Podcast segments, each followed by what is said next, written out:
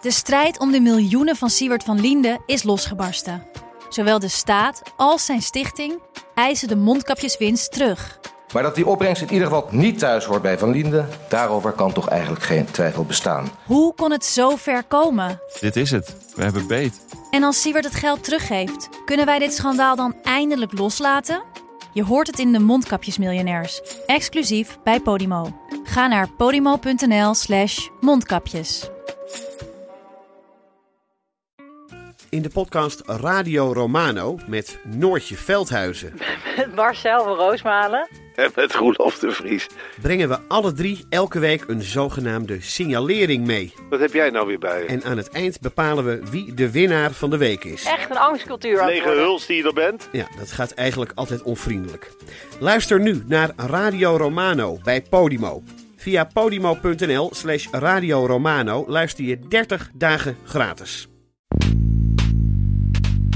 La victoria es posible. El 23 de julio debemos clarificar qué rumbo toma España.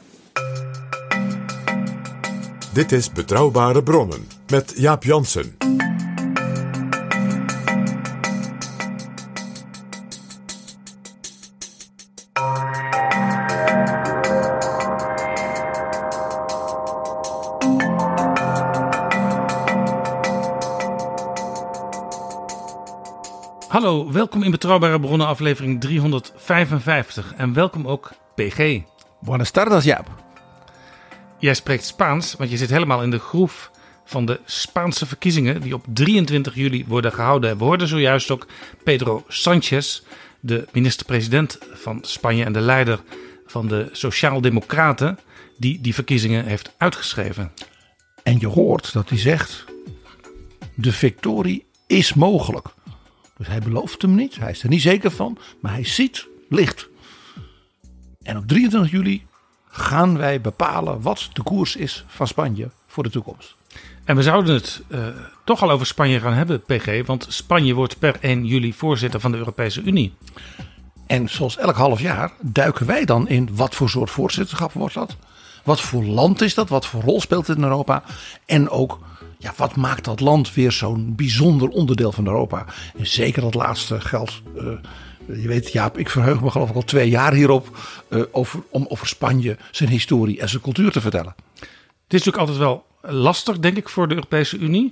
Als een land verkiezingen heeft tijdens die periode. We hebben natuurlijk al een paar keer gezien bij eh, Frankrijk, waar Macron verkiezingen had tijdens het voorzitterschap. En zeer onlangs, ook met het Zweedse voorzitterschap, wat nu afloopt, dat in feite ook samenviel met, eerlijk gezegd, wat onverwachte vervroegde verkiezingen. En dat laatste is hier, bij het Spaans voorzitterschap, zeker het geval. En Pedro Sanchez die zou op 13 juli in het Europees Parlement zijn plannen komen ontvouwen. Maar dat is nu uitgesteld naar september. Want eigenlijk zou het Europees voorzitterschap eindigen met de nationale verkiezingen ergens in december. Maar wat gebeurt er? Er zijn zeg maar provinciale statenverkiezingen. Die zijn in Spanje zeer politiek, zeer belangrijk. Want die regio's hebben heel veel macht. Dat doet een beetje aan Duitsland denken, aan de lender. En bij die verkiezingen won nadrukkelijk de grote oppositiepartij, de Partido Popular, zeg maar het CDA. Dus de PvdA-premier die stond toen voor de situatie of ik ga als verliezer van deze verkiezingen ja, dat half jaar in tot in december. Of ik verras iedereen, en dat laatste heeft hij gedaan, door te zeggen dan ga ik nu meteen in juli nationale verkiezingen uitschrijven. Ja, de Partido Popular die haalde bij deze regionale en lokale verkiezingen 31,5 procent. En de PSOE, de Sociaaldemocraten, 28,1 procent. En ook interessant is de positie van Vox met 7 procent. Dat is een, een zeer rechtse partij die eh, misschien wel nodig is voor de Partido Popular om meerderheid te krijgen bij die nationale verkiezingen. In zes regiobesturen is Vox al nodig. Als ze zo'n coalitie zouden willen. En dat is ook, ook onderdeel, inzet dus van de nationale politieke strijd. Want heel interessant was, en dat was dus de reden voor premier Sanchez om na die uitslag scherp te calculeren en plotseling verkiezingen uit te schrijven, was dat zijn partij eigenlijk dus niet zo heel ver achter de winnaar was blijven steken. Ze hadden maar een half procentje verlies. wat niet was verwacht. Maar dat er een dramatisch verlies was voor twee van zijn mogelijke coalitiepartners.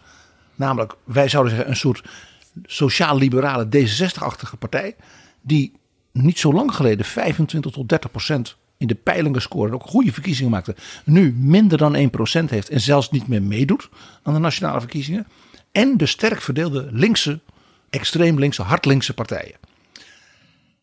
Dus de manoeuvre van Sanchez was nu verkiezingen en daarmee dwing ik of die linkse partijen een soort linksverbond te maken, zodat ze nog wat zetels gaan halen in dat nationaal parlement.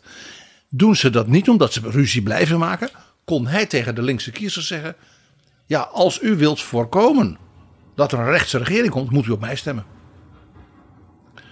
Vandaar dus dat die manoeuvre van Sanchez uh, ja, buitengewoon scherp gecalculeerd. Uh, ik zeg maar machiavellistisch in de goede zin van het woord. En het maakt dus Spanje nu nog interessanter dan het al was. Ja, het Europese voorzitterschap kan dus gedurende de hele periode geleid worden door Sanchez. Maar het kan ook zijn dat al snel Alberto Núñez Feijo de leiding overneemt, de leider van de Partido Popular.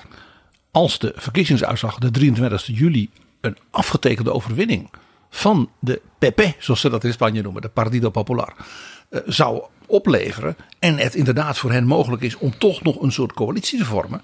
Ja, dan is Sanchez natuurlijk toast. En dan is, uh, nou ja, ik zou maar zeggen, ergens tweede helft augustus. Hè, dan is hij dus ook niet meer demissionair, wat hij dan nu is. Uh, dan is hij gewoon premier af. Maar je hoorde aan hem, hè, Victoria es possibile.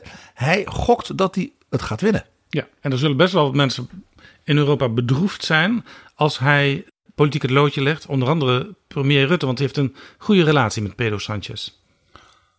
Maar de Europese christendemocraten, die zullen glimmen. Want na de onverwachte overwinning in Finland en de ook onverwachte overwinning in Zweden, zou er ook nog weer een onverwachte overwinning in Spanje komen. Ja, met misschien wel, uh, zoals ook uh, in een aantal landen gebeurd is, steun die nodig is van extreem recht. Dus de discussie in die kring wordt dus niet minder. Dus deze nationale verkiezingen in Spanje zijn zoals eigenlijk altijd, en daarom moeten we ook elk, half jaar zo'n voorzitterschap behandelen, altijd ook Europees direct voor iedereen van belang. PG, wat wil je vooral bespreken in deze aflevering? Nou Jaap, ik denk dat er drie dingen zijn waar we toch eens even in moeten duiken. Ten eerste de positie van Spanje nu als deel van de EU. Want ja. Spanje is een opmerkelijke onderschatte factor. Dat Spanje een modern, dynamisch, sterk ook internationaal gericht land is, is niet altijd vanuit het verleden ook zeg maar, het imago van dat land. En dat is wel zo. Het is niet meer het Spanje uit onze jeugd. Waar Bijvoorbeeld. We, waar we op vakantie gingen. Het tweede, natuurlijk moeten we het hebben over. En wat staat er het komend half jaar gebeuren? Want als je kijkt naar het programma, wat natuurlijk de regering Sanchez al heeft voorbereid. Dan zijn er een aantal zeer belangrijke thema's. Ook zeg maar, geopolitiek, ook inhoudelijk voor heel Europa. En die Spanje echt wil trekken. En de derde, Jaap. We moeten het natuurlijk hebben over Spanje. Spanje is nu in heel veel opzichten een fundament van Europa. Het is een land met een grootse cultuur. En natuurlijk, het is een land van grootse Europese imperia op wereldschaal geweest. Dan gaan we dus echt eeuwen terug in de geschiedenis. En zelfs verder terug, eeuwen dan je misschien denkt, Jaap. Maar eerst PG, zijn er nog nieuwe vrienden van de show? Jaap, het zijn er weer een heleboel. Echt magnifiek. Dus ik zeg een extra woord van dank aan Mark 1 en Mark 2. Aan Onno, aan Jacco, aan David, aan Sanne en Ariet, aan Kees en aan Allard. Allemaal hartelijk welkom. Wil jij ons ook helpen met een donatie? En een systematische donatie, die maakt jou vriend van de show. Ga dan naar vriendvandeshow.nl slash bb. U bent zeer welkom. Dit is Betrouwbare Bronnen. PG, Spanje is niet meer het Spanje waar wij vroeger misschien wel onze zomervakantie doorbrachten. Met de auto vanuit Nederland helemaal daar naartoe gereden. Misschien ook wel met het vliegtuig wat in de jaren 70 opkwam. Het Spanje van nu is in enkele decennia zeg maar eigenlijk de laatste nou, 40 jaar volledig getransformeerd. En ik heb wel eens het idee dat men dat hier in nou, Noord-Europa, Noordwest-Europa onvoldoende ziet. Ja, het beeld was altijd uh, Spanje drijft op toerisme. Dat was natuurlijk vooral in de periode van Franco de dictatuur. Eh, ze moesten het echt hebben van, van die miljoenen Nederlanders, Belgen, Britten, Duitsers. die daar allemaal naartoe gingen. En als het een keer niet goed ging met het toerisme, dan had Spanje meteen ook enorm problemen met de economie. Nou, als ik gewoon kijk naar hoe het Spanje van 50 jaar geleden eruit zag. 1973. Kabinet Den Uyl treedt aan. En hoe zag het Spanje van toen eruit? Nederland was modern aan het worden. Hè? Onlangs met de jonge bewindslieden van toen over gehad. Het Spanje van toen. Het was afschrikwekkend. Dat was een keihard fascistisch, militaristisch bewind. Waar de doodstraf nog gewoon met enige regelmaat werd toegepast op mensen die dan een terrorist heten of anderszins. Keihard, een zeer wreed bewind, zeer autoritair, grote repressie. Met als argument, uh, we hebben een burgeroorlog gehad in de jaren 30. En de mensen van toen, dat waren communisten, dat was linksvolk. En die moeten de mond worden gesnoerd. En die moeten gestraft worden. Om je een idee te geven, Spanje zat vol echt nou ja, gulagachtige strafkampen. Inclusief in koloniale delen van Spanje nog in Afrika. Waar mensen dus letterlijk verdwenen. Ja, jij noemt het uh, een fascistisch bewind. Dat noemden ze zelf niet zo, hè? Ze noemden zichzelf falangistisch. Ja, want ze hadden dan een partij, die heette de, de Falange. Uh, maar dat was een beetje natuurlijk zoals Mussolini ook zogenaamd een partij had. Maar Franco was gewoon een generaal. Ja. Die met steun van Mussolini en Adolf Hitler met geweld de republiek in Spanje in de jaren 30 heeft omvergeworpen. Het was een soort Pinochet. Daarbij had hij, uh, Franco, een hele duidelijke zeg maar, politieke strategie. Was namelijk hou Spanje achterlijk. Dus economisch bewust arm houden, bewust laag ontwikkeld, uh, arbeidsintensieve landbouw en dus ook cultureel achterlijk. Want dan kun je de mensen eronder houden. Ja, dit, dit klinkt ook een beetje als uh, wat wel eens clichématig gezegd werd over de vroegere katholieke kerk. Maar in Spanje was het dus echt zo dat Franco en de katholieke kerk, dat was twee handen op één buik. Oh, het was de afschuwelijke formulering die men kent, houd gij ze arm, hou ik ze dom. Het is hard om te zeggen, maar het is zo. De valuta kwamen dus zeker, hè, dat begon in de jaren zestig, met dus de welvaartsstaat in de rest van Europa door het toerisme. Het tragicomische was dat de, de Nederlandse middenklasse en ook de arbeiders die een autootje uh, zich konden aanschaffen, dankzij onder andere uh, Joop den Uyl die dat propageerde, die gingen dus massaal op vakantie in Spanje. Maar in Nederland, in Utrecht, was een demonstratie onder leiding van Joop den Uyl, met medewerking van zo'n beetje alle politieke partijen, dus ook de oppositie. En de vakbonden en de kerken. En... Tegen een aantal executies in Spanje. En den Uyl riep zelfs, we moeten daar maar niet op vakantie gaan. Zoals bijna overal in de wereld hebben ook in Nederland de terechtstellingen in Spanje gevoelens van afkeer opgewekt en protesten uitgelokt. We zijn hier verenigd in de afschuw en de verontwaardiging over wat we zien als een terreurdaad. Dit zei premier Den Uyl in Utrecht tijdens een demonstratie waartoe het kabinet zelf had opgeroepen. Wij zijn hier verenigd in verzet, in protest tegen het voortduren van een regime dat het recht met voeten treedt.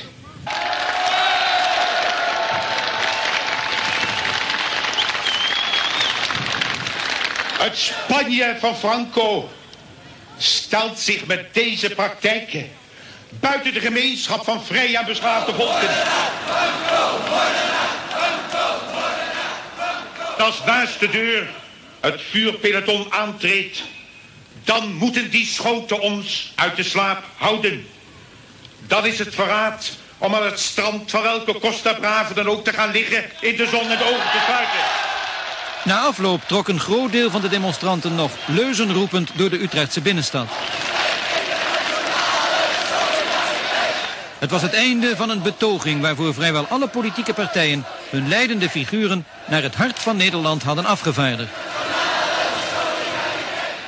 Heel interessant, PG, deze demonstratie. Want niet alleen Den Uyl stond daar, maar bijvoorbeeld ook de leider van de VVD.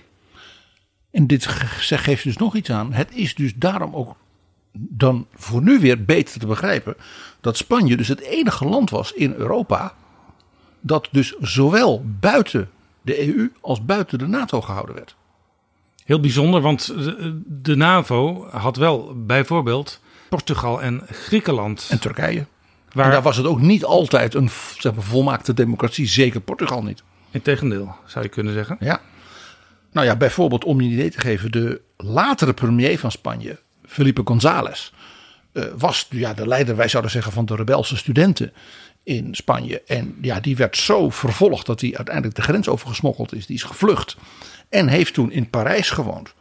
Als een soort adoptiefzoon van het echtpaar Mario en Maria de Lourdes Suarez. Want die hadden al een paar zonen. Dus nou ja, nog één zo'n jongen erbij kon ook wel. En dat was uh, de oppositie, de, de ondergedoken oppositie van Portugal. Die zaten Precies, ook in Parijs. Die zaten daar ook. Dus ik weet van mevrouw Suarez, die ik heel goed heb gekend, dat Felipe González haar altijd mama noemde. Er was ook een hele bijzondere band tussen die mensen. Dat kwam dus uit dat verzet, omdat ze dus alle twee, nou ja, uh, bedreigd waren door echt een verschrikkelijke militair, militair bewind. Ja. En dat is dus 50 jaar geleden dat je zegt dat Spanje mag überhaupt niet meedoen in Europa. Dat is een zo verschrikkelijke uh, onderdrukking. Daar wil je niks mee te maken hebben. En Joop den Uyl die daar begrijpelijk van hem uit met al die emotie over sprak. En de overgang naar de democratie, die is een aparte aflevering een keer waard. Maar Franco was stervende. En toen dacht conservatief Spanje, uh, laten we dan maar weer een koning op de troon zetten. Nou, dat had Franco zelf bedacht. Uh, dus de kunst was eigenlijk, hoe kunnen we een soort min of meer vreedzame transitie maken Waarbij velen dachten, net als bijvoorbeeld in Griekenland en ook in Italië in 1946, dan schaffen we natuurlijk die monarchie af. Men heeft dus in Spanje een heel verfijnd spel gespeeld, zeg maar na de dood van Franco. Waarbij de monarchie als het ware aan de ene kant zeg maar, het behoudende conservatief-katholieke, als het ware nog een beetje uh, ja, een soort eensgezindheid gaf, maar de deur opende naar democratisering. Ja, en toen op een gegeven moment extremisten binnen het leger de oude tijd weer terug wilden, toen heeft de koning van Spanje dat meteen onderdrukt. Hij was dus op dat moment de kampioen van de democratie. Beroemde televisietoespraak van Juan Carlos in vol uniform. En dus in feite tegen die soldaten zijn: als jullie niet nu teruggaan naar de kazerne, dan ben je dus een landverrader. Ja, dat was even schrikken. Ja, en Felipe González, die je net noemde, die kwam na enkele jaren aan het bewind en uh, die heeft toen ook een succesvolle regering geleid. Zeker. En we zijn dus nu minder dan 50 jaar na de dood van Franco. Onthoud dus Jaap, heel veel Spanjaarden hebben dus nog heel persoonlijke herinneringen, pijn en, en, en frustraties uit die tijd. Dat is dus helemaal niet lang geleden ver weg. Maar kijk eens naar het Spanje van nu. Dus enkele decennia later. Het is een grote economie. Zeer succesvol. Heeft zich bovendien uit een heel diep dal van de euro- en kredietcrisis omhoog geworsteld weer. Met heel veel pijn, hoge jeugdwerkloosheid, grote schulden. Maar Spanje heeft, net als Ierland, net als Portugal, daar heel goed werk verricht. En is een beetje een voorbeeld daarmee voor ook een land als Italië en zeker ook een land als Griekenland. Hoe groot is Spanje economisch? Zo groot de BBP als dat van Rusland. Ja. En sommige mensen denken nog altijd in Rusland, dat enorme Poetin-land, enorm. Hè? Het BBP van Spanje is zo groot als dat van de Benelux. Wat ook een hoogontwikkeld, ja, rijk deel van Europa is.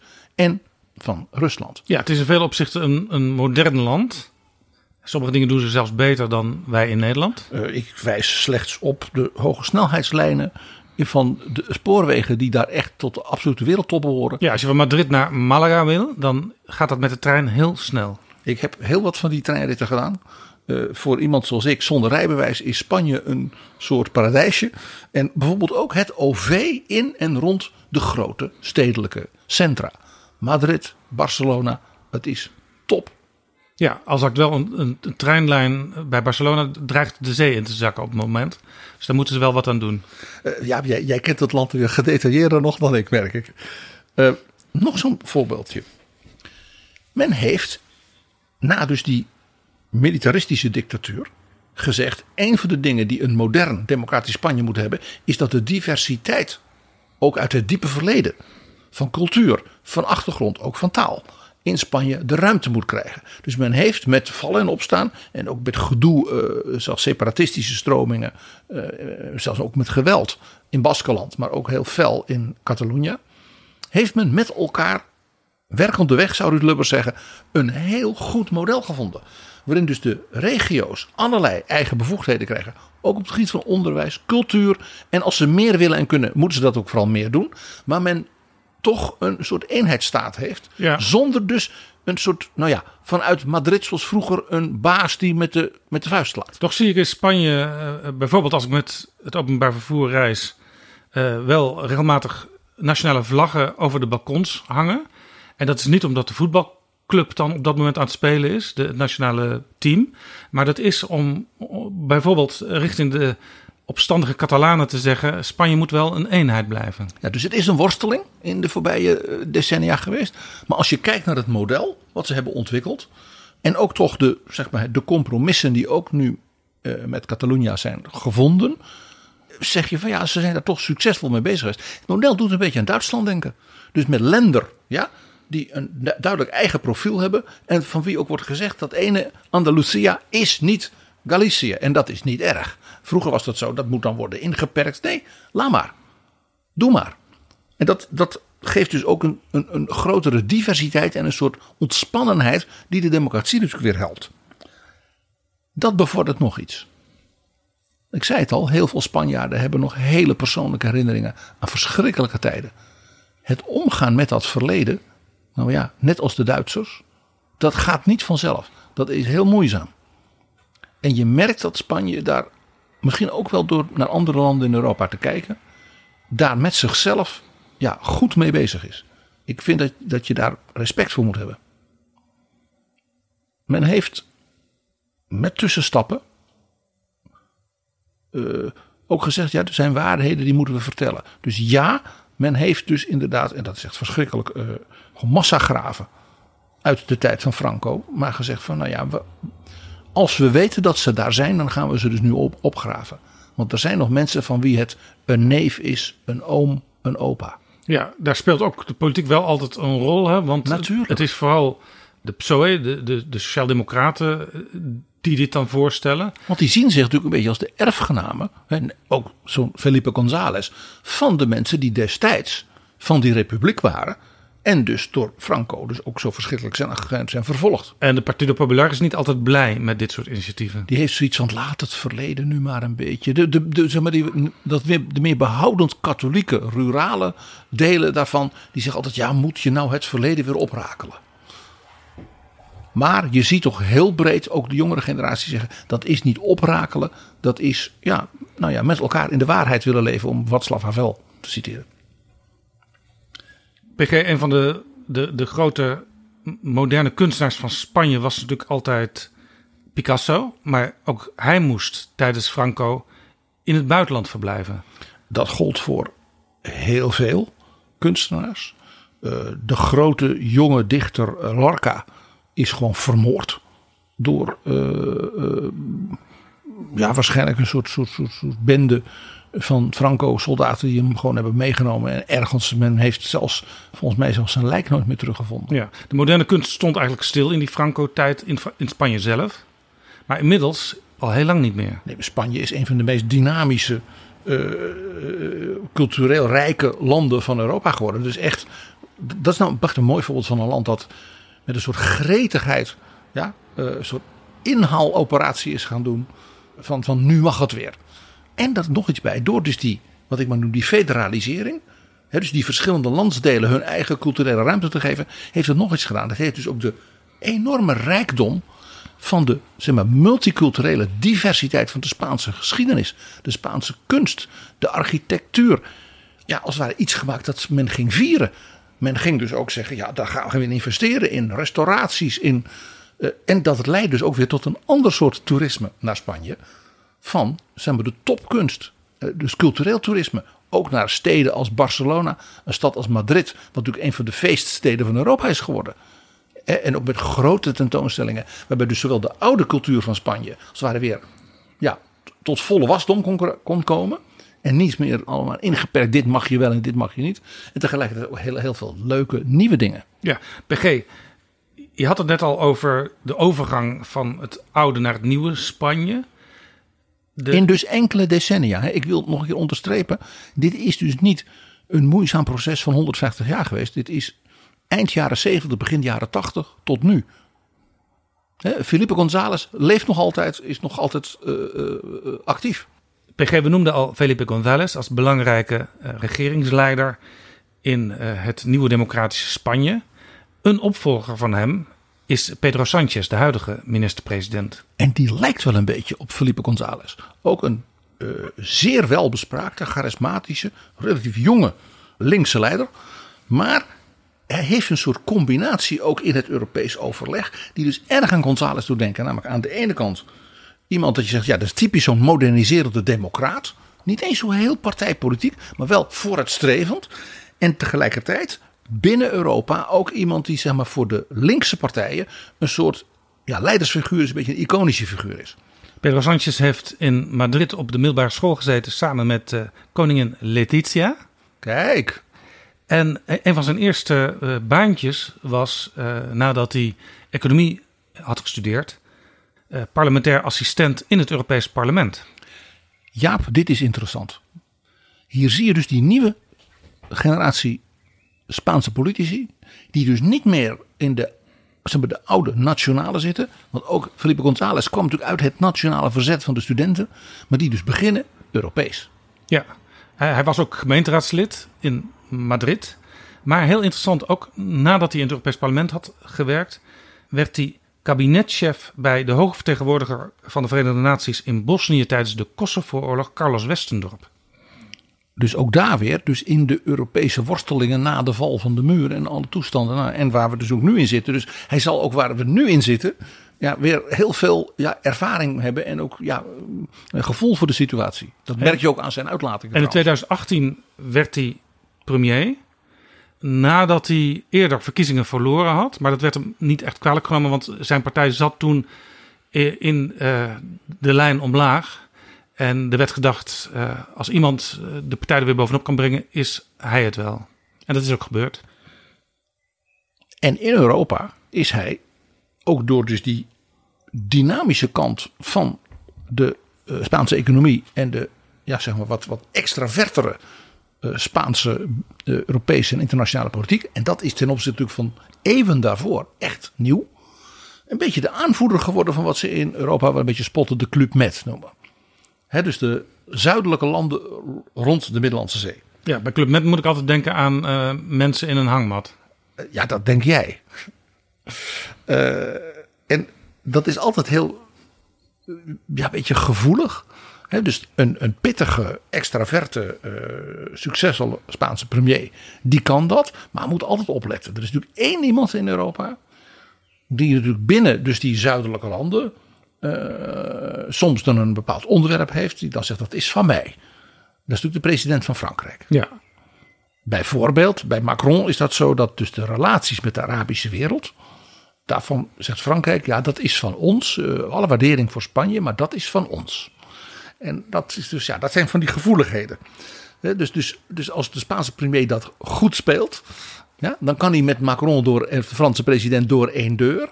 Hè, maar je moet wel elkaars terrein, als het ware, uh, respecteren.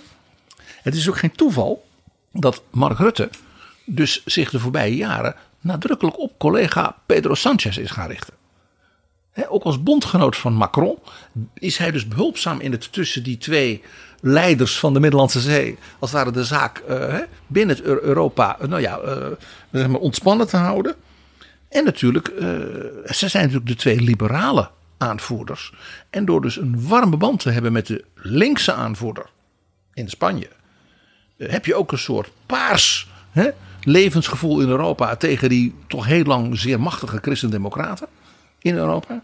En natuurlijk heel belangrijk, door dat Nederland zeg maar met Spanje uh, op deze manier goed samenwerkt, dat je ook dus de verbinding tussen Noord en Zuid in Europa ontspannen houdt, minder conflictueus. Het is niet alleen Rutte die een goede band heeft met Spanje, maar ook minister Sigrid Kaag van Financiën. En dat is heel interessant. Die is eigenlijk heel snel na haar aantreden, eigenlijk als het ware van Rutte een blaadje gaan lenen, want die is met dus die linkse minister van Financiën in Madrid ook van alles gaan doen. Rondom bijvoorbeeld de nieuwe Europese invulling van uh, de Maastricht-criteria en dergelijke. En dat kon Kaag, ook dus een liberaal in Europa, wel doen wat Wopke Hoekstra niet kon. Want Wopke Hoekstra kon natuurlijk als aanvoerder van de wat meer strengere Zeven Dwergen. En natuurlijk als EVP'er, dus als christendemocraat, minder makkelijk doen dan Kaag en Rutte dat wel konden doen. Ja, want je loopt al gauw de leider in Spanje eh, van jouw politieke familie voor de voeten. En zo zie je dus hoe in het Europa van nu ook die partijpolitieke en zeg maar uh, grote regioblokken, hè, Club Met, het Noorden, de Zeven Dwergen, hoe dat op elkaar inwerkt, zoals dat misschien nou 15, 20 jaar geleden nog helemaal niet zo was. Pedro Sanchez hoopt op de victorie, zoals we hem hoorden zeggen. Maar ja. Als dat niet gebeurt, is het dan afgelopen met hem? Nou, ik heb een, een, een hoe noem je dat Jaap? Een soort, soort, soort, soort, soort hunch. Kijk, als hij geen premier meer is, dan is een beetje zoals het tweede kabinet Sanchez komt er toch oppositieleiderschap zou kunnen. Uh, maar dan ben je vooral misschien de aanvoerder van een soort zure polarisatie. En ik weet niet of hij daar zin in heeft. En dan krijg je vaak in je eigen politieke partij dat mensen op jouw stoel azen en aan jouw stoelpoten gaan zagen. Dat zou zomaar kunnen, ja. Uh, dus ik schat in hè, dat hij misschien dan wel zegt van... Nou, dan wil ik wel de spitsenkandidaat zijn voor de Sociaaldemocraten. Voor de Europese verkiezingen van volgend jaar. Dan heeft hij de handen vrij. En dan is de cirkel ook weer rond, hè? want hij begon in het Europees Parlement als assistent en wordt dan gekozen in het EP. En ja, dan is er nog iets. Dan hebben de Sociaaldemocraten een prachtige kaart om te spelen. Want ja, hij is natuurlijk wel de oud-premier van dus, wat ik al zei, een vaak onderschat belangrijk land in Europa. Dus dan kunnen de Sociaaldemocraten zeggen, nou oké, wij begrijpen van de Christendemocraten. En daar is ook wel brede sympathie voor in Europa. Dat Ursula von der Leyen een tweede termijn krijgt. Maar daar willen wij wel wat voor terug. Want zo gaan die dingen. En één ding, Charles Michel zal niet opnieuw de voorzitter van de Europese Raad worden. Ja, er is trouwens nog een vacature die er aankomt. Hè? Dat is uh, de NAVO. Secretaris-generaal. Ik weet niet of, of uh, Pedro Sanchez daarvoor zal gaan. Maar als opvolger van Charles Michel is hij natuurlijk geknipt zeer ervaren premier. Dus dat voorzitterschap zal ook in dat opzicht natuurlijk een interessante prelude kunnen zijn. Hoi, ik ben Alexander Klupping. Ik weet dat jij, net als ik, met heel veel plezier luistert naar betrouwbare bronnen. Maar je zou Jaap en PG echt helpen als je nu vriend van de show wordt. Dat kan met een donatie, per maand of per jaar. En dan kunnen ze nog veel meer afleveringen maken en zeg nou zelf, dat wil jij ook. Dus ga nu naar vriendvandeshow.nl slash bb en doe het niet straks, maar nu. PG, het kan dus ook dat Alberto Núñez Feijo de leider van Spanje wordt. Ja, en dat is heel goed mogelijk. Heel goed mogelijk. Want die Partido Popular staat er in de peilingen goed voor. ten opzichte van die regioverkiezingen zijn ze alweer een procent of 4, 5 verder mogen gaan. He. Everybody loves a winner ja, in de peilingen. effect. Ja, je moet onderstrepen dat die Partido Popular net als dus de Sociaaldemocraten van González en Sanchez, een echte belangrijke factor is geweest bij ja, dat proces en ook het succes van de Europeanisering van, van Spanje. Want die Partido Popular is een opmerkelijk verschijnsel. Als ik nou tegen jou zeg, het is een beetje de KVP van vroeger. Het is natuurlijk in Spanje een, een, een christendemocratische partij, maar dat is dus katholiek. Ja. En die verbindt dus de wat meer behoudende katholieken, vaak op het platteland. Uh, dus ze zijn dan sterk in die regio's. Met de middenklasse. En de zeg maar, niet linkse bovenlaag. Ja, overigens, het, het, het katholicisme als levensgevoel heeft ook in Spanje te lijden onder de modernisering. Bijvoorbeeld Pedro Sanchez, die is er trots op dat hij, dat hij atheïst is. Nou, dat, daarom is hij ook van de Sociaaldemocraten. Het was ook voor het eerst dat uh, de Bijbel niet bij zijn beëdiging aanwezig was. Maar dat zijn dus van die culturele ja, wat ik zeg, ontwikkelingen van die voorbije decennia. Uh, wat dus laat, ook laat zien dat, dat Spanje echt veranderd is. Maar het geeft dus ook aan dat dus die, die Partide Popular en zijn aanhang als het ware mee is gegroeid. Ook in dat opzicht, in die Europeanisering. En men heeft dus als ware deze groepen verzoend, kun je zeggen, met een moderner Spanje. Met een democratie en, en ook met sociaal-economische en culturele vernieuwingen. Waarvan men zegt, ja, daar is de tijd nu rijp voor. En hier moet je absoluut één naam noemen, dat is meneer Adolfo Suarez. Dat was zeg maar de eerste moderne christendemocratische premier en leider. Die heel sterk met koning Juan Carlos, ook rondom die koep toen, samenwerkte. Die is relatief jong uh, gestorven.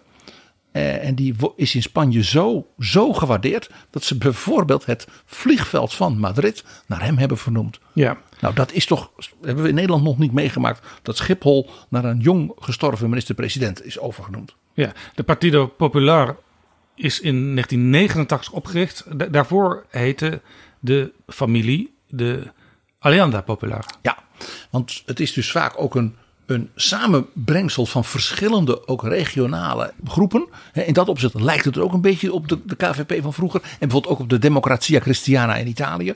Dat was wel één grote partij, maar had ook allemaal correnti, stromingen, vleugels. Dat heeft de Partido Popular nog steeds. En dat heeft allerlei verrassende effecten als je kijkt vanuit Nederland naar Spanje. Bijvoorbeeld de Partido Popular is heel sterk, heel groot in grote steden. Nou, dat kan Wopke Hoekstra over Nederland natuurlijk over het CDA niet zeggen. Hoe doen ze dat? Uh, nou ja, als ze bijvoorbeeld in Madrid meer dan 40% van de stemmen halen. Dat is natuurlijk indrukwekkend. Dat is door een combinatie van zeer sterk modern stadsbestuur. Dus heel zakelijk.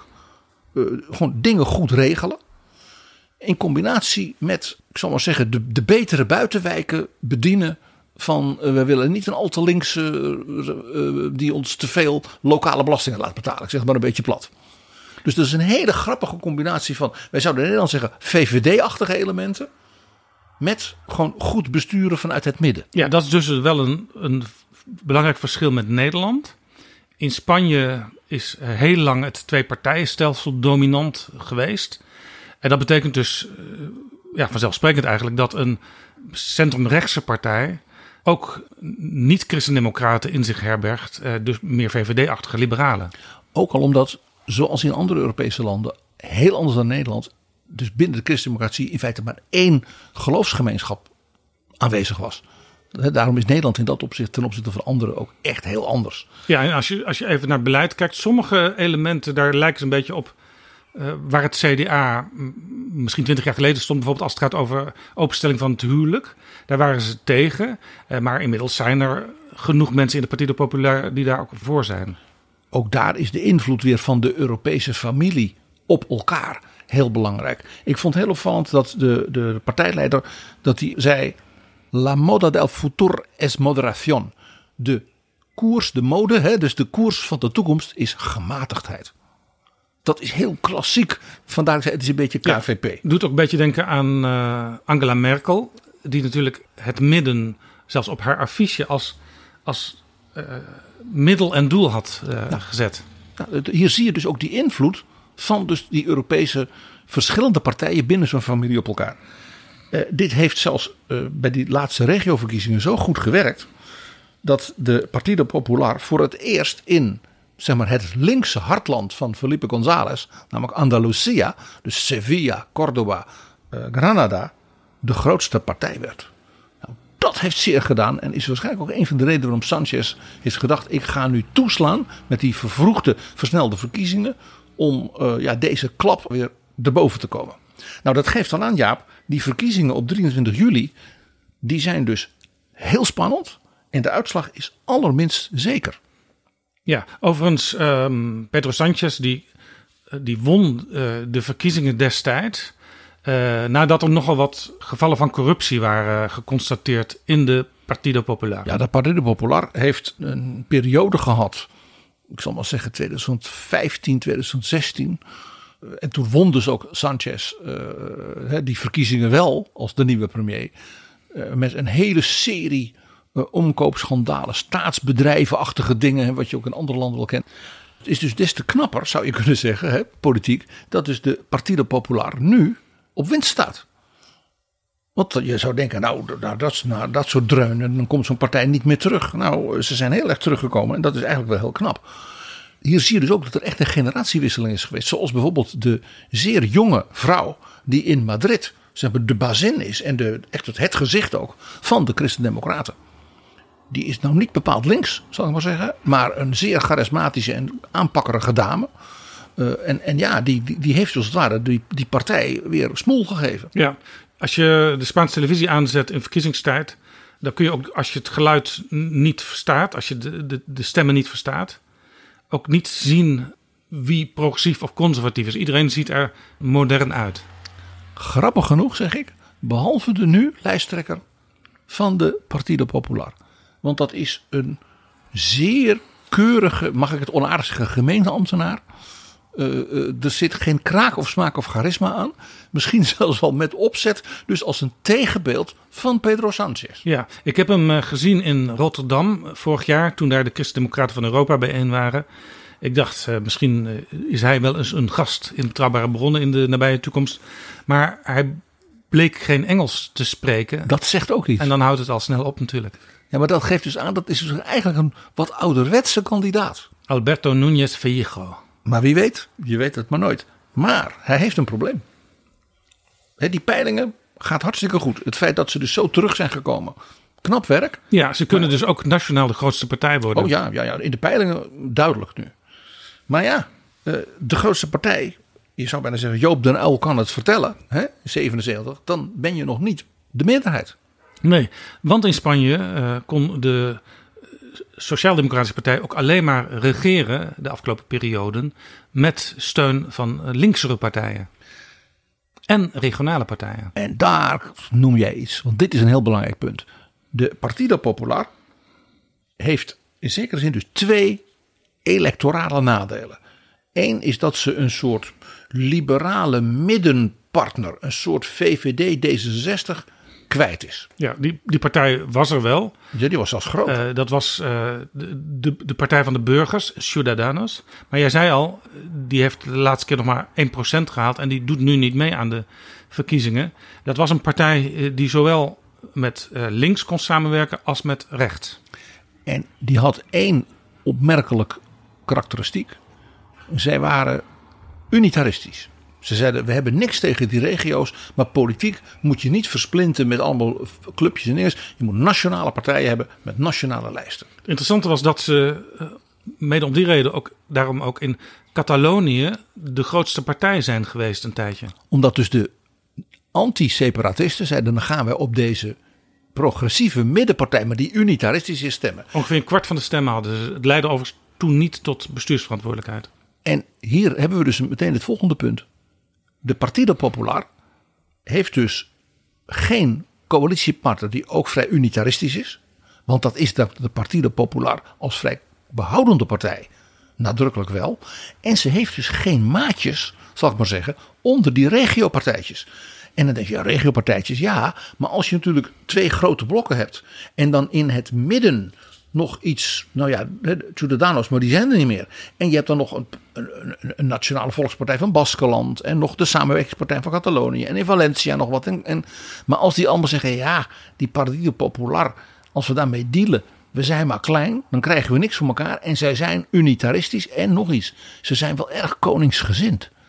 Dus heel opmerkelijk, in Spanje is er onderhuid zoiets van eigenlijk willen we toch wel een republiek. Maar de Partido Popular is toch daarin de behoudende partij. Hè, ook een beetje de katholieke partij. Nee, Koningshuis moet blijven. Dus die heeft gewoon last met, ook als ze dus een prachtige uitslag volgens de peilingen doet, dat ze geen vriendjes hebben. Overigens, PG, dat Koningshuis kan, kan extra last geven dan als je daar te veel mee hebt verbonden. Want er zijn de laatste jaren alleen maar rellen rondom het Koningshuis. De, de voormalige koning is zelfs in ballingschap in het buitenland. Ja, hij schijnt nu weer terug te zijn hoor. Dus, dus, het schijnt, ze hebben het min of meer toegedekt. Eh, Sanchez heeft een beetje de Den rol gespeeld bij Lockheed. en er is ook gedoe met allerlei kinderen en zo die, die schaatsrijden. Ja, ja, en een schoonzoon en een zwager. En, ja.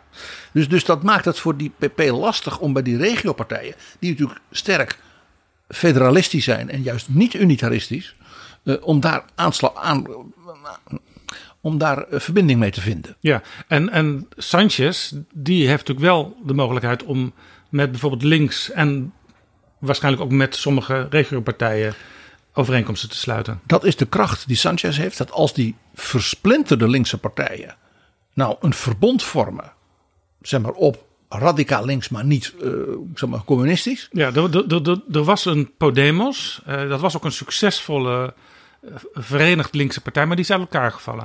Ja, dat heb je natuurlijk op die vleugel wel vaker. En nu is er weer een nieuwe variant.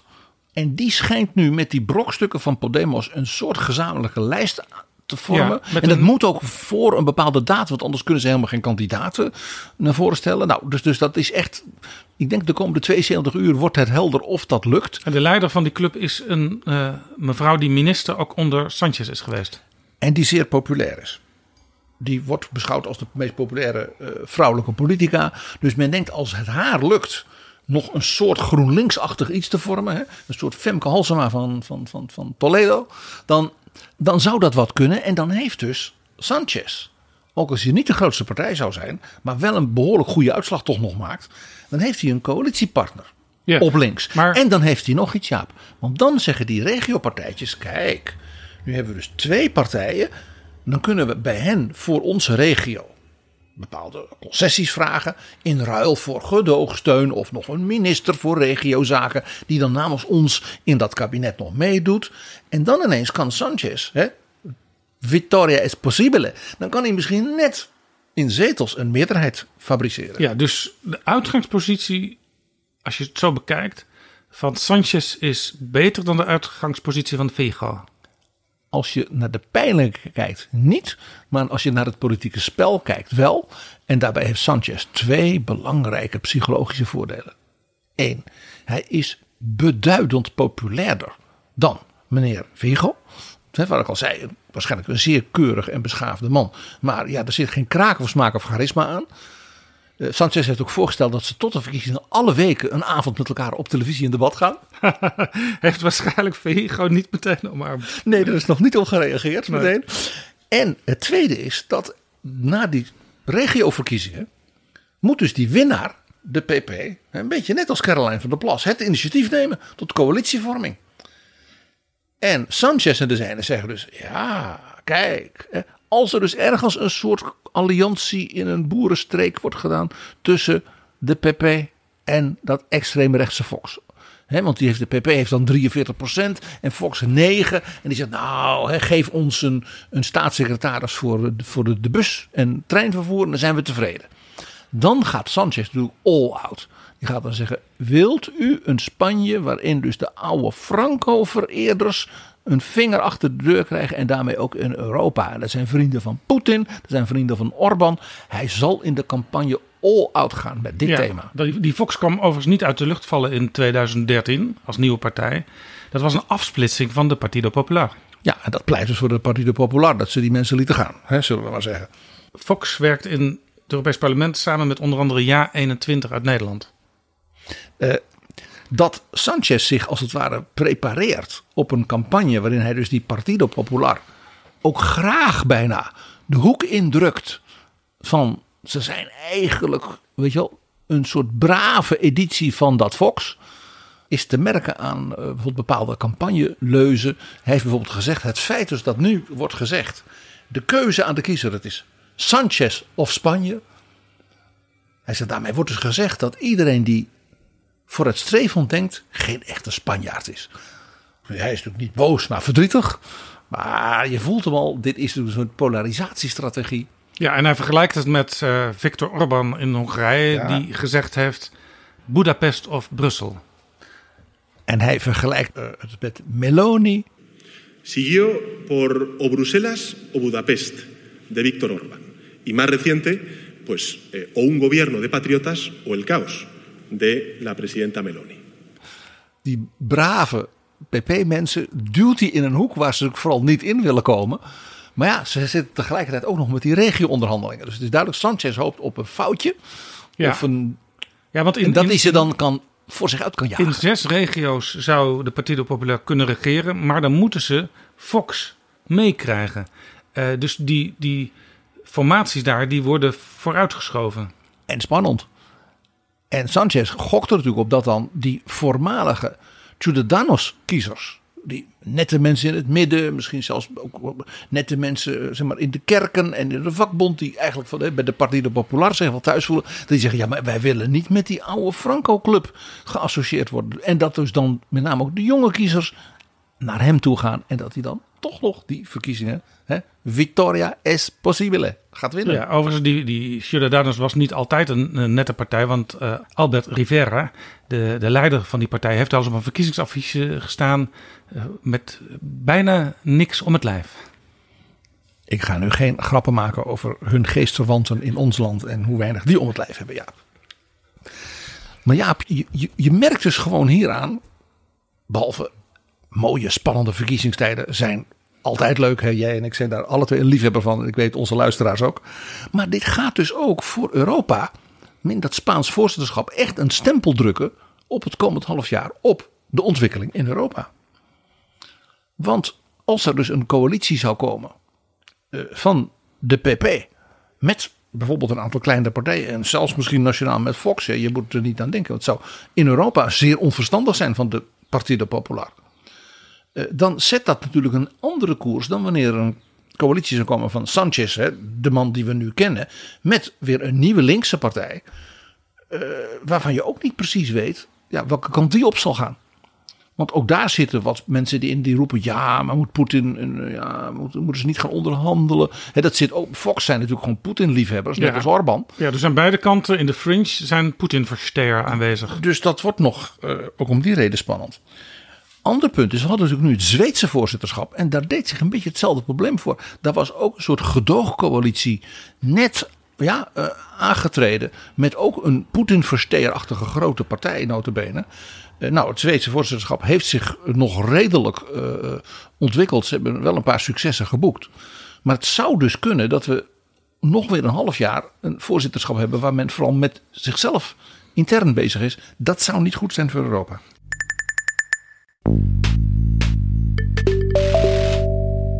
Dit is Betrouwbare Bronnen, een podcast met betrouwbare bronnen.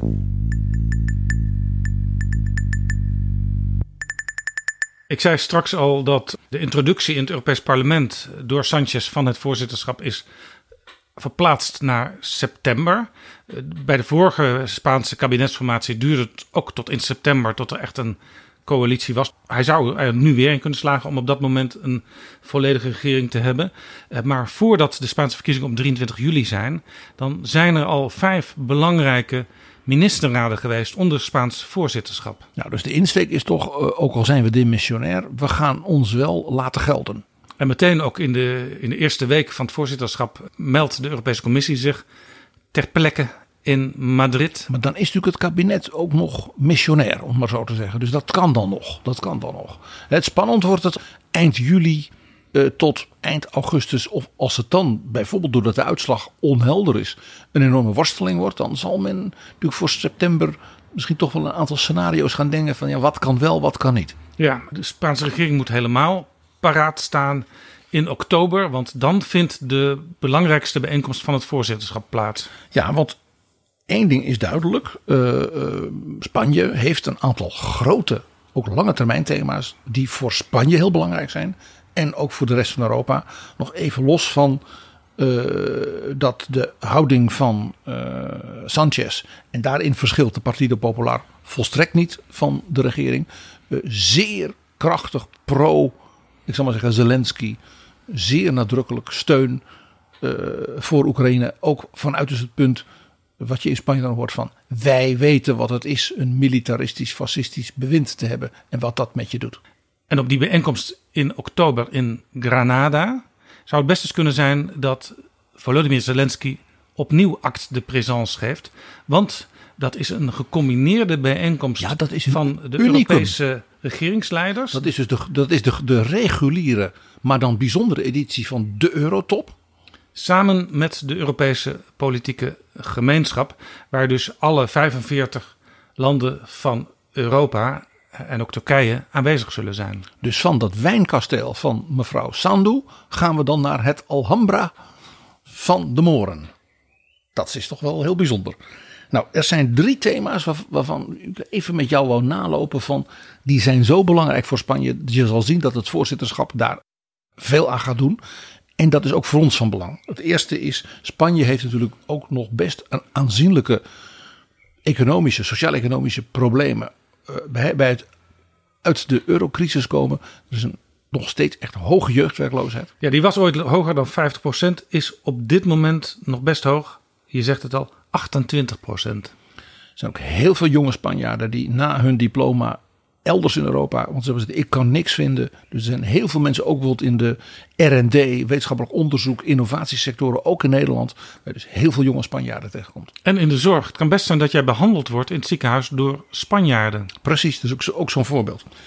Nou, eh, het is dus eigenlijk wel uh, interessant dat dus in september is in Amsterdam het grote Europese congres over vernieuwing van het beroepsonderwijs. Leven lang leren zouden wij zeggen. En dus ook hoe gaan we jonge mensen in technische beroepen, in tekortberoepen krijgen. Dat is uh, georganiseerd door mensen met wie wij al vaker over dit soort vraagstukken hebben gesproken. Namelijk wij zijn Catapult en het Talent voor Technologie uh, platform. En dat is ook een beetje een co-productie met Spanje. Want een van de meest vooruitstrevende regio's op dit terrein is Baskenland. En Baskenland uh, trekt dus weer veel lessen van wat Nederland doet. Met bijvoorbeeld MBO en HBO samenwerking met het bedrijfsleven. Hè, die centers of expertise en dergelijke. En Nederland leert weer heel veel dat Baskenland al heel lang heel knap doet. Hoe, hoe vermeng je als het ware nou het MKB en wat daar een vernieuwing gebeurt met opleidingen. Ja, vroeger dachten we bij Baskenland natuurlijk aan eh, de terroristen van de ETA. Dat is wel voorbij. Maar tegenwoordig zijn zij centrum van moderniteit. Ja, de San Sebastian is een van de toonaangevende havens en ook innovatiecentra uh, in Europa. Dus het is heel interessant hoe dus de, zeg maar, de Nederlandse voorhoederrol in Europa aansluit bij de Spaanse op dit punt. En dat, daarom is dat Spaans voorzitterschap eigenlijk een ideaal moment voor zo'n bijeenkomst. Nou, het tweede groot thema is uh, natuurlijk de energie- en klimaattransitie. Want ja, die is natuurlijk ook in hoge mate, uh, hè, zoals ik altijd zeg, met dank aan Poetin, natuurlijk hoge mate geopolitiek geworden. En ook daar speelt Spanje op twee punten natuurlijk een hele belangrijke rol. Het eerste is, Spanje heeft behoorlijke heibel gehad met Frankrijk, met Macron. Over het feit dat Spanje zegt, wij willen grote gaspijpleidingen aanleggen vanuit Algerije, dus vanuit Noord-Afrika. Maar dan moet je wel met Noord-Afrika dus gaan samenwerken. Dus zelfs ook het bezoek deze dagen van Mark Rutte aan Tunesië heeft met dit soort ontwikkelingen te maken. Namelijk het openen van de relaties met de landen in Noord-Afrika die erbij halen. Met hen afspraken maken. Dus dat wordt een heel belangrijk thema ook in het Spaans voorzitterschap. En daar, dus de lange termijn energie toevoer naar Europa. En daar botste dus wat jij eerder noemde de tradities van Frankrijk op de wil van Spanje om vooruit te gaan. Ja, want Frankrijk zei van ja, gaspijpleidingen, we hebben kernenergie. Dus daar werd gewoon, dus waar ook, hier zag je ook weer, dat heb je nu eenmaal in Europa, ook nationale belangen en tradities die ook met elkaar botsen. Dus dit is een zeer interessant thema, ook natuurlijk weer in de portefeuille van Frans Timmermans, die dus het komend half jaar uh, ook op dit punt nog een keer uh, als het ware vol voor de bak zal moeten. Het tweede punt is, als er ook iets belangrijk voor Spanje is op de lange termijn, is alles wat te maken heeft met verdroging, verwoestijning en water. Nou, we hebben natuurlijk net de grote watertop van de VN gehad. Ik ben heel benieuwd wat Spanje op dit punt, het komend half jaar, nadrukkelijk zal agenderen. En ook daar is Nederland natuurlijk op wereldniveau een van de grote voortrekkers op dat terrein. Ja, verdroging is een heel belangrijk punt. Wij denken daar in Nederland natuurlijk niet elke dag aan. Maar in Spanje wel, want uh, daar in Zuid-Spanje, waar veel Nederlanders uh, met vakantie gaan, daar zijn projecties, zeg maar, over 40, 50, 60 jaar dat als er geen beleid wordt gevoerd, dat de boel daar dan uh, ja, woestijn wordt. Het is natuurlijk altijd al midden-Spanje een heel droog, uh, ruw gebied geweest. Maar als ook dus langs de randen het in feite nou ja, woestijn wordt. Ja, en dan zeg je ja, 40, 50 jaar. Maar dat zijn ontwikkelingen die dus nu al beginnen. En als je dus de, de, het een en ander aan wil doen, moet je nu nadenken. Spanje heeft uh, traditioneel natuurlijk ook altijd een goede band met Latijns-Amerika. Ja, daarom krijgen we dus in het Spaans voorzitterschap die belangrijke summit in oktober in het Alhambra. Ik zeg er dan bij, hier zie je dus de trots van Spanje hè, op zijn unieke multiculturele en diverse verleden. En natuurlijk nog iets. Dit is natuurlijk een gebaar van Pedro Sanchez aan Felipe González. Want dat is natuurlijk in Andalusia het hartland van de tijd van Felipe en ook van de partij. En nu helaas, dus voor hen is de Partido Popular daar de grootste geworden. Ja, maar ik noemde Latijns-Amerika ook om een andere reden. Want er komt nog een summit. En dat is een top van de EU met Latijns-Amerika. Daar wordt al enorm, de, de voorbereiding daarvan is al enorm eh, in gang gezet. En onlangs, was, onlangs was Mark Rutte ook niet toevallig bij president Lula in Brazilië. Want dat is onderdeel van dus die voorbereiding. Want die zal daar, als natuurlijk een van de grote belangrijke nieuwe gezichten, maar ook een oud gezicht van Latijns-Amerika, de lijn met Europa moeten gaan vastleggen. En Sanchez heeft ook heel veel contact met Lula, want het is de bedoeling om een handelsakkoord te gaan sluiten, Mercosur. En Jaap, ik voorspel je, dat wordt nog wat. Want dat ligt in Nederland politiek helemaal niet makkelijk. En het zou mij niet verbazen als de nieuwe Eerste Kamer dit handelsverdrag gaat gebruiken om het kabinet Rutte 4 te plagen. De nieuwe Eerste Kamer, omdat daar BBB dominant is geworden? Maar ook de Partij van de Dieren en ook de linkse partijen. Denk even aan de ruzie ook binnen bijvoorbeeld de Partij van de Arbeid over het CETA-verdrag met Canada. Ja, daar was een verschil in opvatting tussen de Tweede Kamerfractie en de Eerste Kamerfractie. Dus dit onderwerp, dat kon wel eens uh, een flashpoint worden, ook richting de Europese verkiezingen. Dus het kan zijn dat de Spaanse premier, wie dat dan ook is, uh, uh, plusjes bij zijn naam kan zetten, omdat er een handelsakkoord is gekomen. Maar daarna kan blijken in Nederland dat het wordt afgewezen. Dit kan dus een onderwerp zijn wat tussen de Nederlandse regering en de Spaanse regering nog tot de nodige onmin en gedoe zou kunnen opleveren. Af en toe hoor je in betrouwbare bronnen een advertentie, maar vaak ook niet. En dat is jammer, want we hebben graag meer adverteerders. Want ook daarmee houden we betrouwbare bronnen online. En je bereikt via betrouwbare bronnen een interessant publiek van mensen, ook een groot publiek van mensen. Heel veel jonge mensen met grote maatschappelijke politieke belangstelling. En natuurlijk, ja, ik zeg het een beetje uh, ondeugend, ja, de decision makers van Nederland en in Brussel. Stuur een mailtje aan adverteren.darrenacht.nl en dan neemt de reclameafdeling van Betrouwbare Bronnen, ja ja, neemt dan contact met je op. Adverteren,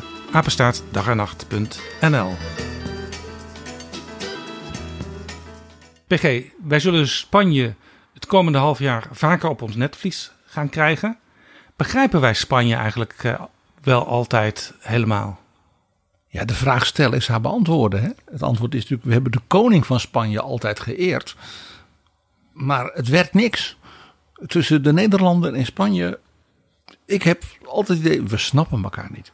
En dat is zo jammer, want het is natuurlijk een land met een grootse cultuur, een groots verleden met ja, unieke dingen. Hè. Als je in, Spanje op bezoek gaat naar dingen van vroeger eeuwen, dan ja, je valt van de ene verbazing in de andere. Het is een fantastisch land wat dat betreft. En toch, weet je wat het is? Spanje heeft een, soort gewenning gehad. Men was gewend de allure te hebben van een superpower. Spanje, dat was wat. Dat mocht er wezen. Ze hadden natuurlijk in de middeleeuwen ja, gestreden eh, en de Moren, hè, zoals dat heette, Spanje uitgemapt. En Spanje had dus een zeer, ja, ook een beetje een macho gevoel. En toen dus die Nederlandse gewesten in die late 15e, vroege 16e eeuw, door huwelijkspolitiek van de Spaanse vorsten, ineens onderdeel werden van dat Spaanse imperium, terwijl ze daarvoor natuurlijk van het meer Franse middendeel van Bourgondië, Vlaanderen en die noordelijke Nederlanden werden. Toen was het duidelijk, men snapte elkaar niet. De Spaanse vorsten, ze stuurden voortdurend, weet je, die, die tantes en die zussen van hen als landvoogdessen. Uitstekende mensen, ja, topbestuurders. En ze deden hun best compromissen te vinden. En ik denk dus dat daar speelde dat de die Hollanders, om te zeggen, de gewesten hier in de Nederlanden, die waren vooral met elkaar en met hun dingetjes bezig en hun handelscontacten. Maar die allure ja, van de superpower Spanje, daar had men niet zo'n gevoel voor. En daarom ging het dus altijd weer mis. En werd het uiteindelijk een opstand en alles wat erbij hoort. En hoe oud, Jaap, hoe oud dus die allure van Spanje is, als ik je nou vertel dat even buiten Sevilla is een reusachtige ruïnestad die heet Italica. Ga daarheen. Is rond het jaar 100, 150 na Christus. Denk je, waarom? Nou, dat is de geboorteplaats van een hele serie Romeinse keizers. Dat waren ook Spanjaarden. Na de val van het Julius-Claudische huis, dus Julius Caesar, Augustus, Claudius, dus na de dood van Nero, was er ook een soort burgeroorlog. En toen kwam er een hele nieuwe generatie keizers. En dat waren allemaal Spanjaarden. En die kwamen uit dat dorp. Hoe kwam dat? Dat waren generaals van de legioenen. En die hadden gewoon de macht gegrepen. En dat is natuurlijk de grote bloeitijd, de echte absolute supertijd geweest van het Romeinse Rijk. Vandaar dat hun nederzetting, waar ze vandaan kwamen, ook Italica heette. Die werd zo genoemd. Precies. Daar is een, uiteraard, een stadion. Nou, dat staat nog bijna helemaal overeind. Een forum natuurlijk, met prachtig, enorme mozaïekvloeren, grote standbeelden van die keizers. Je zag, ze hadden dus dat geboortedorp, dat is dus echt helemaal tot een soort luxe uh, uh, symbool ook van hier komen wij vandaan en wij zijn nu echt de bazen van dit imperium. Dus die imperiale allure zat dus zelfs in dat geboortedorp al. Ga daarheen dus als je in Spanje bent. Nou, na deze periode kwam natuurlijk een tweede periode. Die nu weer, hè, ook door dus die, ja, die, dat vieren van die multiculturele historie van Spanje, weer vol in beeld is. Dat men dat ook ja, echt beseft hoe ongelooflijk rijk en machtig het Spanje van die tijd was. Namelijk de tijd van El Andalus. Wat nu Andalusië heet. Dus dat Moorse Spanje. Hè, wat ook in die tijd bijna tot in hè, wat nu Noord-Spanje is. Wat natuurlijk een onderdeel was van een veel groter imperium. Dat ook Marokko en Algerije. Dat was één groot gedeelte. Was dus het westelijke powercenter zou je kunnen zeggen. Van de kaliefen van Cairo van Bagdad. En dat was in feite een dus islamitisch imperium tot in India. En daar was dit het westelijke deel van. Nou, wat daar aan bouwkunst, aan wetenschap, aan kunst tussen de nou, 8e, 9e eeuw tot hè, 1492, dus ook heel lang geweest, hè, is vertoond. Dat heeft zijn gelijk in Europa bijna niet. Bijvoorbeeld het Alcazar van Sevilla. Ja, dat is dus zelfs nog toen de Moren verslagen waren en de koningen van Spanje, dus de katholieke koningen van Spanje, het overnamen, hebben ze met Moorse kunstenaars het nog verder uitgebouwd in de Moorse stijl. Men heeft dus nog ver, tot ver in de 17e eeuw, heeft men dus deze Moorse kunst gewoon voortgezet. Zo mooi was dat. En die werd dan de Mudegar-stijl genoemd. Dus er was geen ontkenning. Want je, je hebt wel eens dat, dat, er een andere wind gaat waaien. En dat dan eigenlijk delen van het verleden moeten worden uitgewist. Hier is een heel mooi verhaal over. In Cordoba, wat dus de grote hoofdstad was heel lang van uh, dat moslim-imperium, is reusachtige moskee. Die is er nog steeds. En dat is altijd de Taj Mahal van Europa. Dat is zo onvoorstelbaar mooi. Ja, die, die hebben ook alles wat ze hadden ze hebben erin gegooid. Maar ja, die waren dus verslagen en verjaagd. En de jonge koning van Spanje, Karel, Carlos, hè, die we kennen als keizer Karel V hier. Die werd dus door de katholieke kerk rondgeleid. En zeiden ze: Majesteit, speciaal nu voor de overwinning op de islam. En u bent nu de jonge katholieke koning van Spanje. We hebben iets heel bijzonders gedaan. Ze hadden dus in het midden van die moskee een katholieke kerk gebouwd. Ah. En toen heeft de jonge Karel tegen die bisschop gezegd: Waarom heeft u dit gedaan? Ik had het mooiste gebouw van Europa. En u heeft er een, nu de zoveelste middelmatige kerk van Spanje van gemaakt. En natuurlijk, eh, je kunt er niet omheen om dat natuurlijk nog een keer te noemen, Jaap. Het Alhambra. dus die, die rots. Want het Alhambra is niet één ding, dat is een hele serie paleizen en, en, en, en units. En, en er is ook nog, nog een speciaal extra renaissance paleis, ook weer door Karel V gebouwd. Als een soort extra eraan. Uh, ook een hele beroemde kerk door hem gebouwd. Hij heeft zelfs overwogen of hij daar niet begraven wilde worden. Dus in feite in een moslimpaleis met de meest prachtige dingen. Dat hij zegt, maar daar wil ik begraven worden. Dat is uiteindelijk, uiteindelijk niet gebeurd. Hij is in een klooster waar hij de laatste jaren van zijn leven heeft doorgebracht begraven. Maar dat geeft dus aan hoe trots men ook in het Spanje van de 16e eeuw was op die ongelooflijke kunst en die historie van dat El En Andalus. Daar komt dus in oktober de top van heel Europa bijeen. En dat is dus een, ook weer een heel sterk symbool van de Spanjaarden. Dat zeggen als, de- als de hele top van Europa en de Europese politieke gemeenschap. Dat je zeggen van, en dit is ook Europa, dit verleden. En ja, dan een tip nog. Even buiten Cordoba. Het is niet makkelijk met het OV, maar je kunt er een soort bustour heen krijgen. Dat is nauwelijks een half uurtje rijden. Daar is het zomerpaleis dat de kalifen bouwden voor als het echt heel heet was. Dat was namelijk tegen de be- bergen op. Daar was veel water. Daar liep ook nog een rivier. En dat is het Madinat al-Zagra. En dat, is pas, dat, dat was verloren. Men wist niet meer waar dat was. Men had wel tekeningen, maar dat was een lustoord. Waar de ka- kalifen als het ware de hele zomer waren. Dat is door opgravingen teruggevonden. En dat is nu in hele belangrijke mate helemaal opengelegd. Dat is zo onvoorstelbaar mooi. Dus dan denk je naast die fantastische moskee in Cordoba was er ook nog dat zomerpaleis. Om een idee te geven, daar hadden ze iets van 25.000 medewerkers voor het hof. Om voor alles, alle, het eten en de, de regering en alles. Een Ja. hof van 25.000 mensen. Ja. Je- Jij noemde eh, als eerste Italica, als tweede eh, de Moorse tijd. Eh, en daarna kwam natuurlijk de tijd van eh, de katholieke koningen. Ja, want het was natuurlijk het echtpaar Isabella en Ferdinand dat Granada innam. En dus de kalif, eh, die heeft dus zijn, zijn zwaard aan haar moeten geven. Hij gaf het op. En ze hebben hem laten vertrekken naar Marokko. Maar vanaf dat moment was heel Andalusië ook Spaans en dus katholiek, want daar ging het met name om.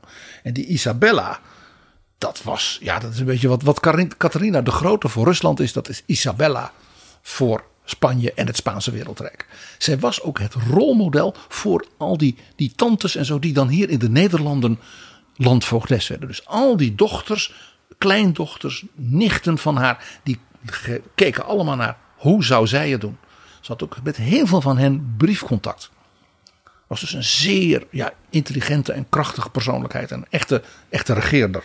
En natuurlijk de vrouw die tegen Columbus zegt: Hier heb je geld, ga maar kijken. En je weet, zij legde daarmee natuurlijk ook de basis voor het Global Empire, wat Spanje daardoor werd. Ja, waarvan Philips II natuurlijk de, de, de koning is die wij geëerd hebben, altijd. En dat is haar achterkleinzoon. Ja, want haar dochter en schoonzoon, die hebben nauwelijks geregeerd. Want hij stierf heel jong en zij werd helemaal gek daardoor. Dus zij heeft toen de kleinzoon, Carlos, hè, die wij kennen als keizer Karel V, Ja. laten opvoeden door, weet je nog, de Nederlandse paus. Adrianus VI, de grote leermeester. Dan zie je ook die bijzondere band weer tussen dit Spaanse vorstendom van toen. En dus ook die heersers van Spanje en de Nederlanden. En ja, die regeerden dus Karel V en Philips II nog meer over, zoals dat heette, een rijk waar de zon niet onderging. De, de lijst delen van de wereld die Philips II van achter dat kleine bureautje in het Escoriaal 16 uur per dag hè, stukken zat te lezen en te schrijven. Dat is ongekend. Dat was van de Filipijnen in Azië tot ook alle Portugese veroveringen. Dat hele Portugese wereldrijk was ook van hem. Italië, eh, de, al de eilanden, denk aan de Canarische eilanden, de Azoren, Mexico, Panama, Colombia, Venezuela, Ecuador, Peru. Het was allemaal Spanje. Tot ver in de 18e eeuw was dat een feit. Spanje was echt een imperium. En daarbij hoorde natuurlijk ook die grootste cultuur. We hadden het al even over die grootste cultuur van de moslimtijd in El Andalus. Maar ook in die tijd van Philips II, Karel V, was natuurlijk de, met name ook de schilderkunst en de bouwkunst. eh, dus de late renaissance, vroege barok, ja, op zijn top. Heel interessant zie je ook weer hoe multicultureel ook toen nog Spanje was. In die tijd, met dat imperium. Het aantal bijvoorbeeld schilders en andere kunstenaars. Dat vanuit heel Europa dus naar Madrid kwam, naar Toledo kwam. is opmerkelijk. Dus de allerbeste, men wist, ik ga daarheen en dan kan ik de koning of de kerk of de familie, de rijke families daar, de adel, die zal als mecenas mij dan steunen. Ja, dus ook bekende Nederlandse schilders melden zich daar. Jazeker, er hebben heel veel Vlaamse schilders. Uh, Philips II was natuurlijk de absolute verzamelaar. Hij had daar echt alles voor over van het werk van Jeroen Bos. En vandaar dus dat in het Prado, maar ook in Lissabon en dus in Wenen, hè, want dat was dan bij de Habsburg-familie, er zoveel van die topwerken van Jeroen Bos hangen en niet zoveel in Nederland. Nee, want toen een paar jaar geleden in Den Bosch een grote Jeroen Bos tentoonstelling was, toen was er nog een heel gedoe om voldoende werken ter plekke te krijgen. Ja, dat was enorm onderhandeld is er toen. Ik ben toevallig datzelfde jaar ook nog in Madrid geweest. En toen had men diezelfde tentoonstelling. Die heette daar El Bosco. In het Prado. Nou, de mensen stonden echt buiten. En daar waren nog een paar extra ja, schilderijen. Die was dus nog iets uitgebreider. Die nog uitgebreider. Nog uitgebreider. Uh, natuurlijk de beroemde El Greco. De schilder, dat was de man die kwam in feite van Kreta. Dat was een Griek. Uh, dan dus heel veel Franse en ook heel veel Italiaanse schilders. Bijvoorbeeld de man die de plafonds heeft geschilderd. Van het Koninklijk Paleis in Madrid en het Escoriaal. Hè, dus het, het, zeg maar, het persoonlijke paleis van Philips II was een Italiaan. En dan natuurlijk de Spaanse schilder zelf. En daar kun je natuurlijk een heleboel noemen. Velázquez en uh, Murillo en noem maar. Maar ik wil er één noemen en dat is Zurbarán. Zurbarán. Voor mij de grootste Spaanse schilder van die tijd. Uh, zijn heiligen waarbij hij vooral zo beroemd is om de kleding, de drapering van die kledingen, wat hij daarmee deed en het licht. Dat was een beetje Caravaggio, Rembrandt-achtig. En dan was hij ook nog een meester in het stilleven. Dus hij kon, hij kon eigenlijk, zo schilderde hij alles kon. Zurbaran. Zurbaran, heel lang vergeten. We moeten hier ook weer de band met Nederland noemen. Het is Cees Notenboom geweest. Die als het ware in de rest van Europa het besef van de betekenis van Zurbaran heeft teruggebracht. En ja, wil ik nog één iemand noemen die men hier in Nederland vast niet kent. Namelijk de uitvinder van Google. De uitvinder van Google? Ja, dat is een Spanjaard. Hoezo? De heilige Isidorus van Sevilla. Dat is een grapje. Nee. Paus Johannes Paulus II, de Poolse paus, heeft hem zelfs tot de beschermheilige van het internet verklaard. Isidorus van Sevilla was dus de katholieke bisschop daar toen dus dat begin van de moslimheerschappij begon. En die ging dus niet, ik zal maar zeggen, anti-moslim verhalen houden. Luister goed, lieve luisteraars. Maar die zei ja, de oude Grieken, de Joodse traditie, het oude Rome, Bagdad, deze moslims en wij. Wij hebben zoveel kennis. Zijn allemaal volkeren van het boek, hè, zoals dat heet. En hij heeft gezegd, alles wat zij ook weer aan kennis en wetenschap uit Arabische landen brengen. Dat gaan we, moeten we in Sevilla allemaal bij elkaar brengen. Dat vond de kalif ook mooi. En hij heeft toen bedacht, als we nou eens gaan proberen alles wat mensen weten op te schrijven. Een soort superieure encyclopedie van de totale kennis van de mensheid. Het is een beetje Alexander van Humboldt.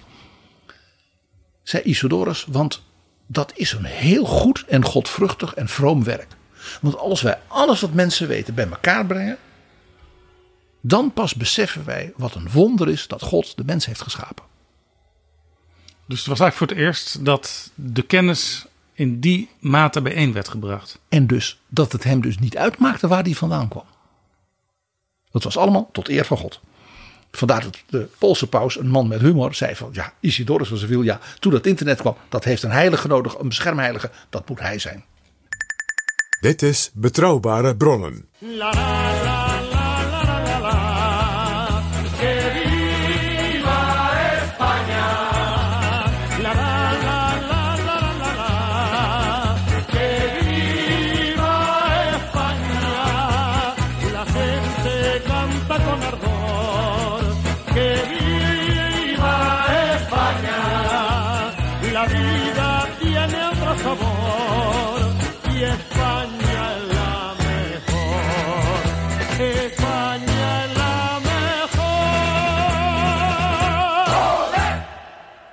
De muziek in Spanje, die bleef heel lang achter in de Franco-tijd.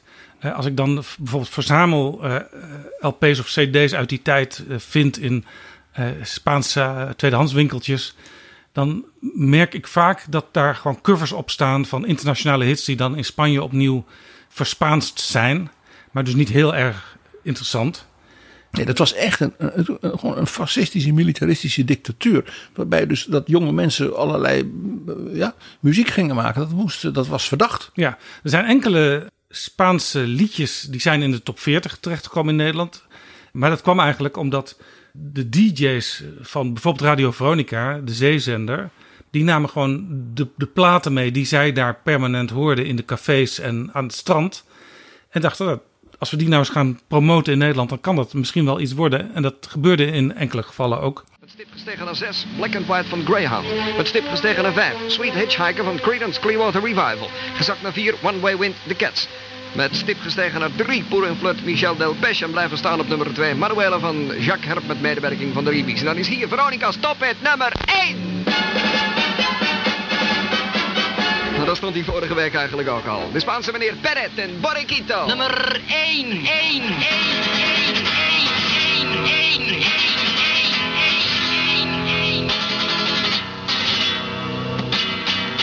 Ay, borriquito como tú, que genio sabes sin la Ay, borriquito como tú, yo sé más que tú. Jaap, natuurlijk is Spanje ook een groot operaland.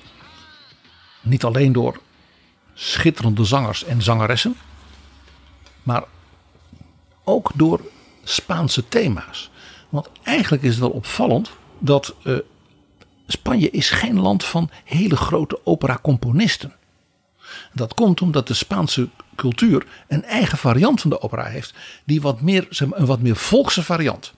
Het is niet operette, maar het is vaak wat mooie sentimentele verhalen en dat is de zarzuela waar overigens prachtige aria's van zijn, worden ook graag door Spaanse operazangers gezongen bij recitals. Maar de zarzuela is een typisch iets van de Spaanse cultuur, ook in Latijns-Amerika en in Mexico, maar is nooit als het zoiets geworden als de opera, een soort internationaal fenomeen. Maar ja, toch uh, Spanje en de opera, ik bedoel, dat toneelstuk van Friedrich Schiller over die Spaanse kroonprins, de kroonprins van Philips II, Don Carlos. Hè, wat misschien wel een van de allermooiste opera's van Giuseppe Verdi is geworden. Een zeer politieke opera, want Giuseppe Verdi was een heel politieke componist. En je hebt natuurlijk ook nog de Barbier van Sevilla. Jaap, dat is de operastad, Sevilla. Als je nagaat hoeveel opera's van Italiaanse en andere componisten in Sevilla spelen. Blijkbaar heeft die stad een soort magische werking op librettisten en op opera-componisten. Want inderdaad, Il Barbiere van Rossini, hè, een opera waarvan het verhaal gaat dat hij die in twee weken heeft geschreven. Zo geïnspireerd was hij.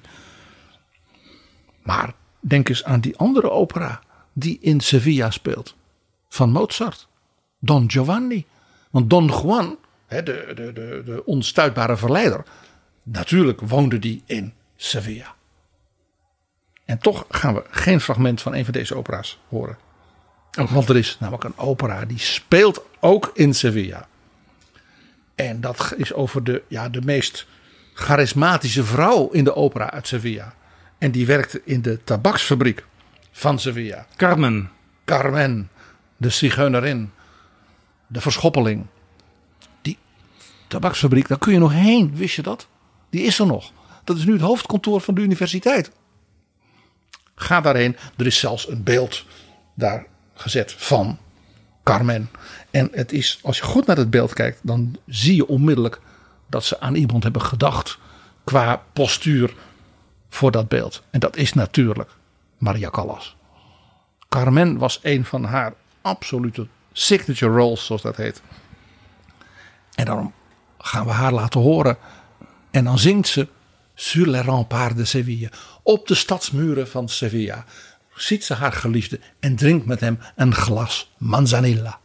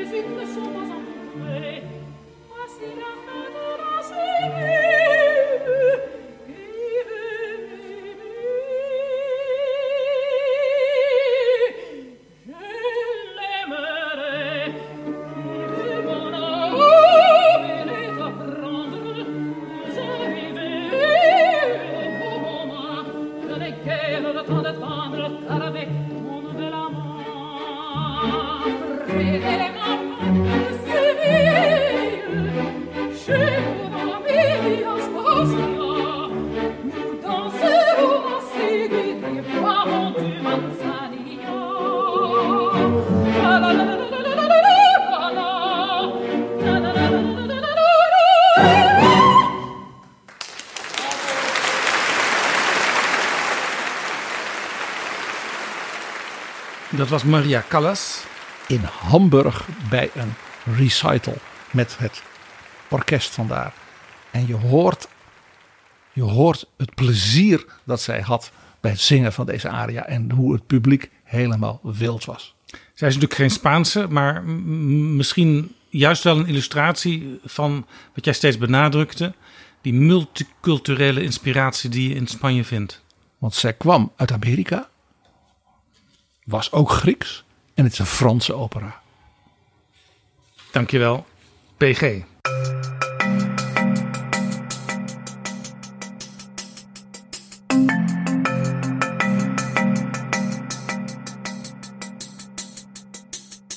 Zo, dit was Betrouwbare Bronnen aflevering 355. Deze aflevering is mede mogelijk gemaakt door de Europese Unie en door onze donateurs. Wil jij ons ook helpen met een donatie? Ga dan naar vriendvandeshow.nl slash bb en dan noemen we jouw naam in de volgende aflevering. Tot dan. Betrouwbare bronnen wordt gemaakt door Jaap Jansen in samenwerking met dag en nacht.nl.